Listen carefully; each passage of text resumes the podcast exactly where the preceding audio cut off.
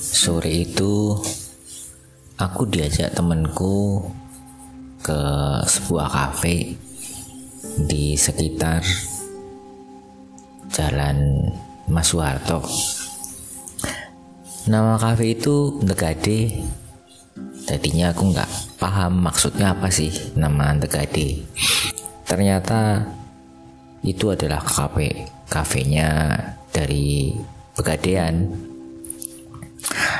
dan salah satu menunya yang cukup menarik adalah fanening menu yang kelihatannya jarang ditemukan di kafe lain di kota Jogja ini.